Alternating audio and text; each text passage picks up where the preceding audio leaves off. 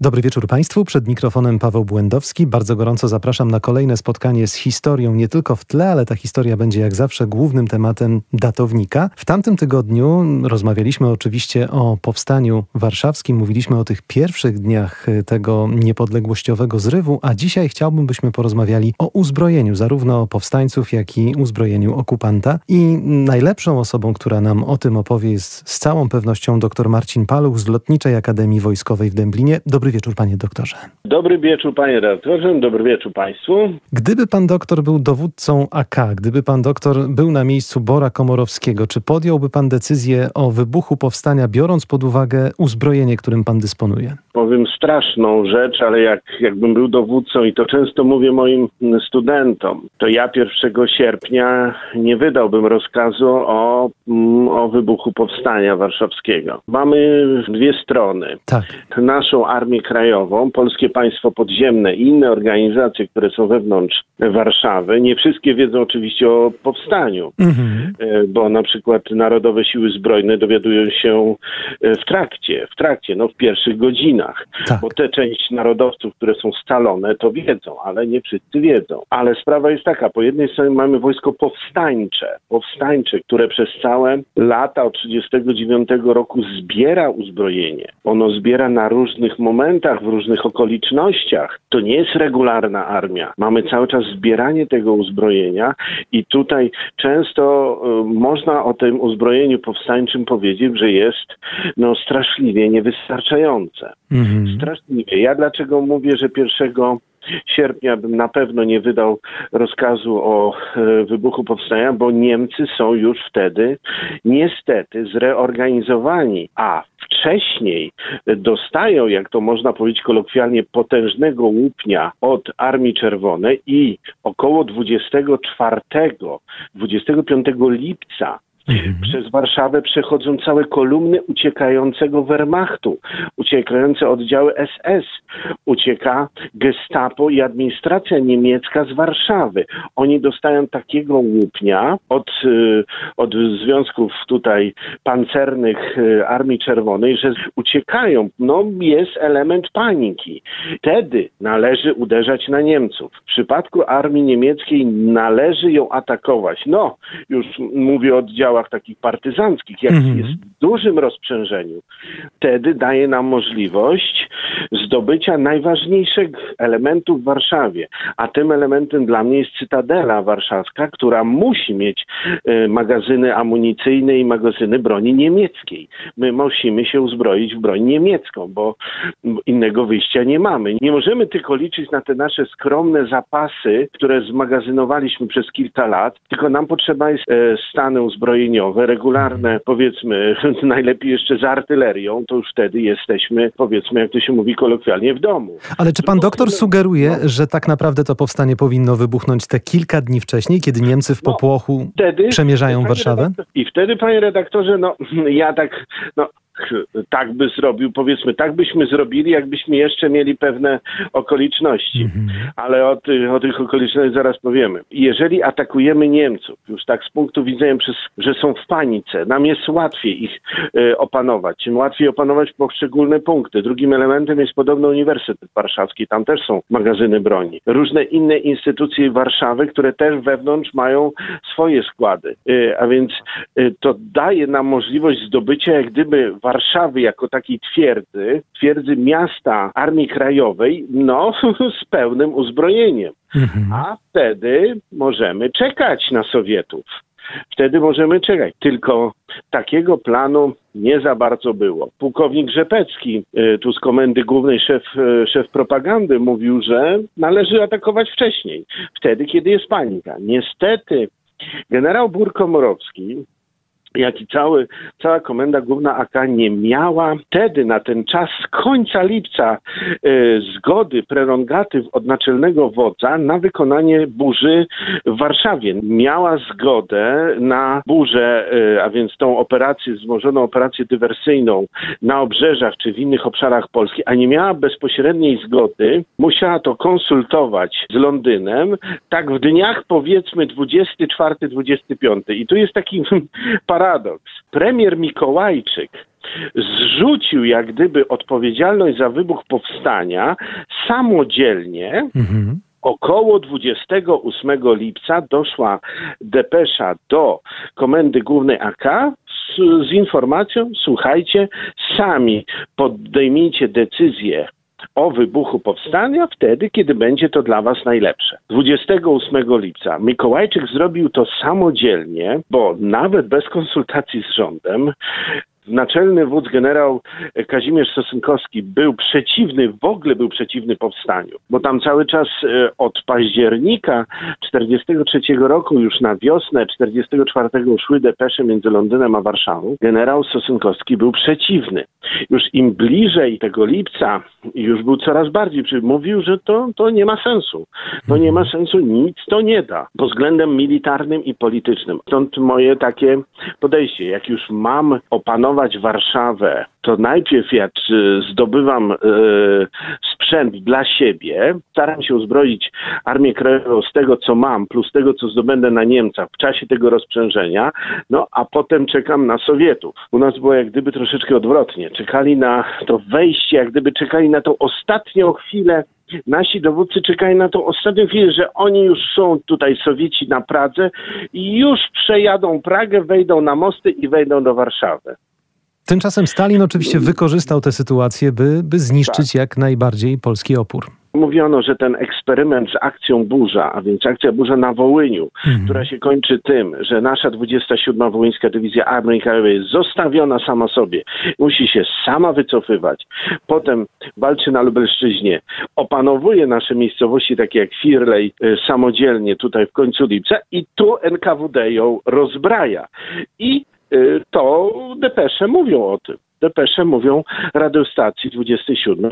Sowieci nas rozbrajają. Tak samo wiemy, że Londyn, jak i Warszawa wiedziała, że w Wileńszczyźnie, Wileńszczyzna, operacja Ostra Brama. Polacy ruszają, całe zgrupowanie e, pułkownika Wilka Krzyżanowskiego rusza do operacji Ostra Brama i kończy się to tym, że wspólnie opanowujemy, nie, niestety wspólnie, bo już nie mamy sił na samodzielność, opanowujemy e, Wilno z, z Armią Czerwoną, a po kilku dniach u takiego słynnego generała Czerniachowskiego e, w sztabie oddziały polscy oficerowie, oddział polskich oficerów jest rozbrojonych i... I aresztowany i aresztowanych, albo Syberia, albo rozstrzelanie. To wiedziano w Londynie. Plus oczywiście nasza Lubelszczyzna, która też jest, też wiadomo, że nawet jest, powiem, że depesze londyńskie, które mam tutaj z kopie zawsze na zajęciach pokazuję studentom, że są całkiem niezłe zdobycze naszej Armii Krajowej na Lubelszczyźnie. To ze dwie baterie artylerii, mhm. działa przeciwpancerne. Jest nieźle, no to bym dywizję wystawił ale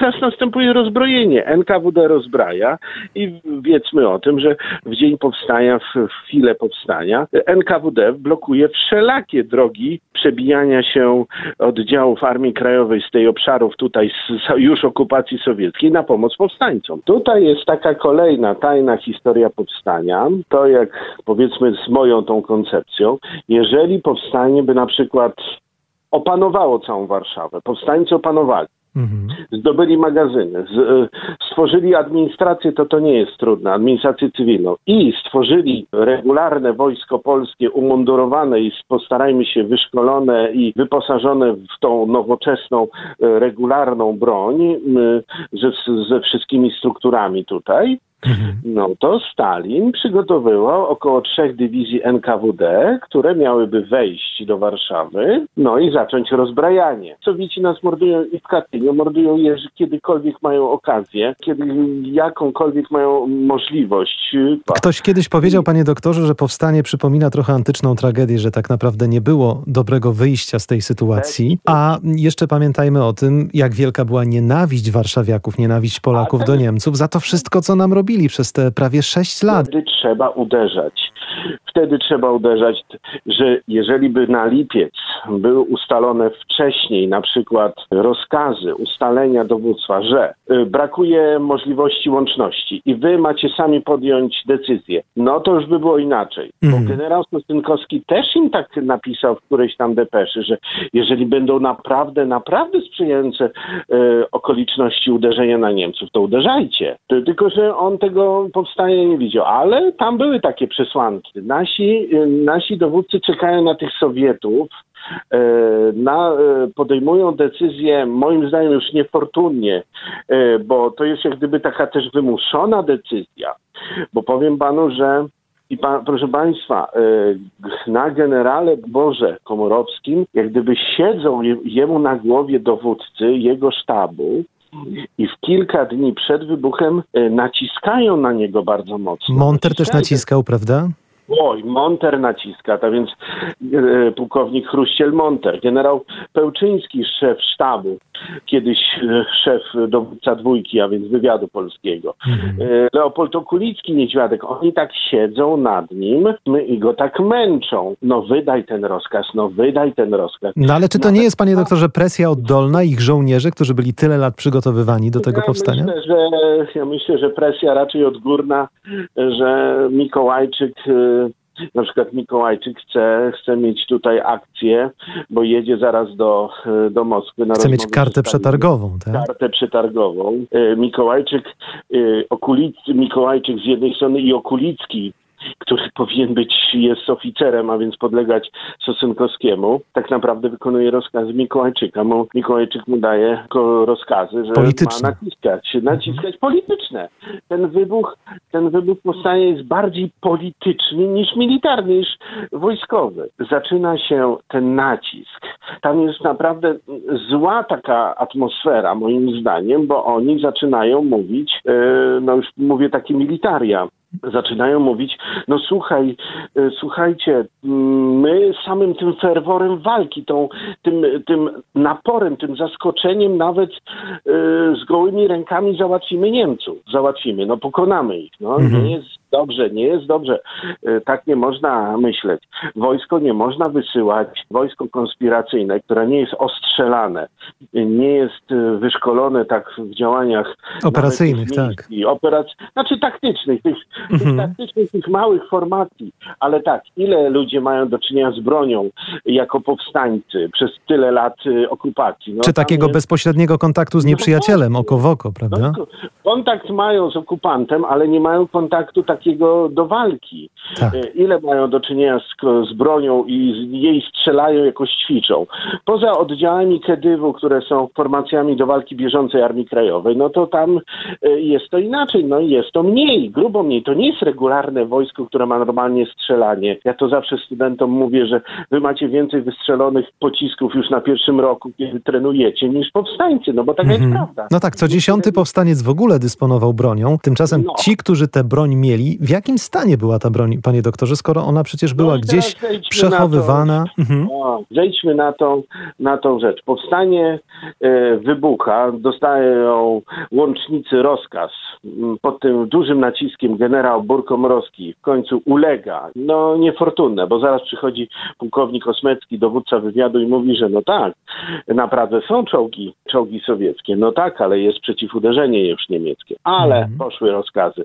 No i co się teraz zaczyna? Trzeba przygotować y, polskie oddziały powstańcze, żeby wyszły na te pozycje wyjściowe do ataku na różne swoje punkty, które mają wyznaczone. To raz. I druga sprawa, trzeba ściągnąć zapasy broni, które są na obrzeżach najczęściej Warszawy w różny zakonspirowany sposób, przecież nieoficjalnie w ciężarówce, tylko tak. powiedzmy jakiś ciężarówką może tak, ale trzeba ją to jakoś jeszcze zamaskować. Nie możemy z tym wyskoczyć, powiedzmy, kolokwialnie, jak za to powiem, tak na hura, powiedzmy. Mhm. Nie możemy. Musimy dalej tą, tą broń sposób konspiracyjny y, przewieźć. No niestety, tak jak to pokazuje, zawsze to powtarzam, to ładny jest ten film Godzina W, jak tam nasi aktorzy, bohaterowie. Dobry film, dobry film. Y, kiedy w fortepianie czy w pianinie przewożą swoją broń dla plutonu tylko, dla plutonu, czy tam dwóch drużyn. Tak. Y, I teraz w jakim stanie jest ta broń? Część jest broni z 1939 roku I tutaj pod tą broń 39 jest najcięższa broń powstańcza, którą widzimy w Muzeum Powstania Warszawskiego, więc tam na głównym takim e, postumencie powstania e, jest zardzewiały już e, ciężki karabin Browning wzór 30. To jest najcięższa broń powstańcza. Tych CKM-ów jest może 7, może 5. To jest nic. Mhm. To jest nic. Następnie idąc w dół, RKM-y, też polskie, przedwojenne, czy wzór 28, bardzo dobre, też Browninga. Ale też tylko mniej niż 50, z tego co pamiętam. No mniej, mało. Mhm. Następnie schodzimy na broń długą, a więc karabiny powtarzalne Mausera. I lepiej, żebyśmy mieli Mauser, bo amunicję mamy tą samą. Tak. Co, mi po, co mi po pepeszy, jak ja nie mam amunicji do nich. Jeden magazynek, dwa bębny czy i po, i po mhm. zawodach, jak to powiem mhm. znowu.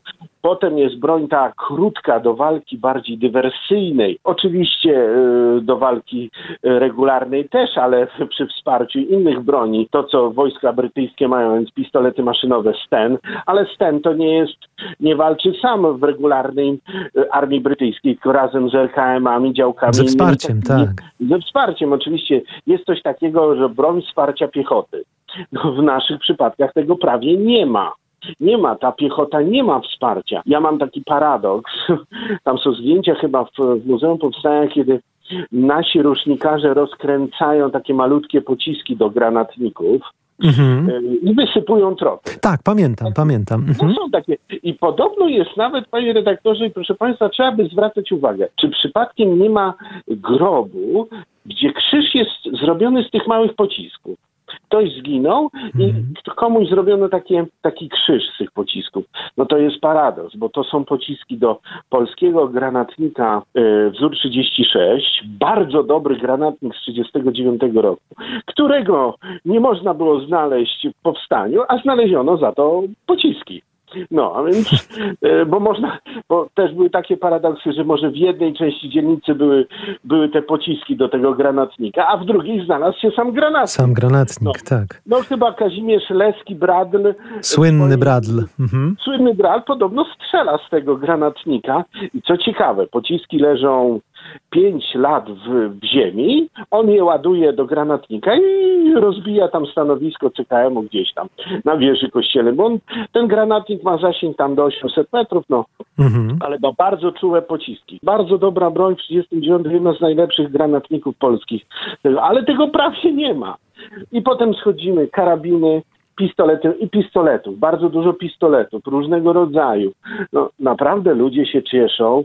Jak tu powiem kolejny przykład filmowy, e, tutaj film Kanał, e, kiedy jeden z bohaterów daje swojej tutaj zaprzyjaźnionej sanitariuszce szósteczkę. Pistolet szósteczka. Ona tak. mówi taki malutki. No to jest, no, no to szósteczka to jest dobre do walki w mieszkaniu na 3 metry. Ona zabije, nie powiem. Szósteczka to znaczy kaliber 6 35, coś koło tego, to są i Waltera, chyba to niemiecka taka broń, taka naprawdę broń osobista, powiedzmy taka damska do torebki. Kobieca broń, tak.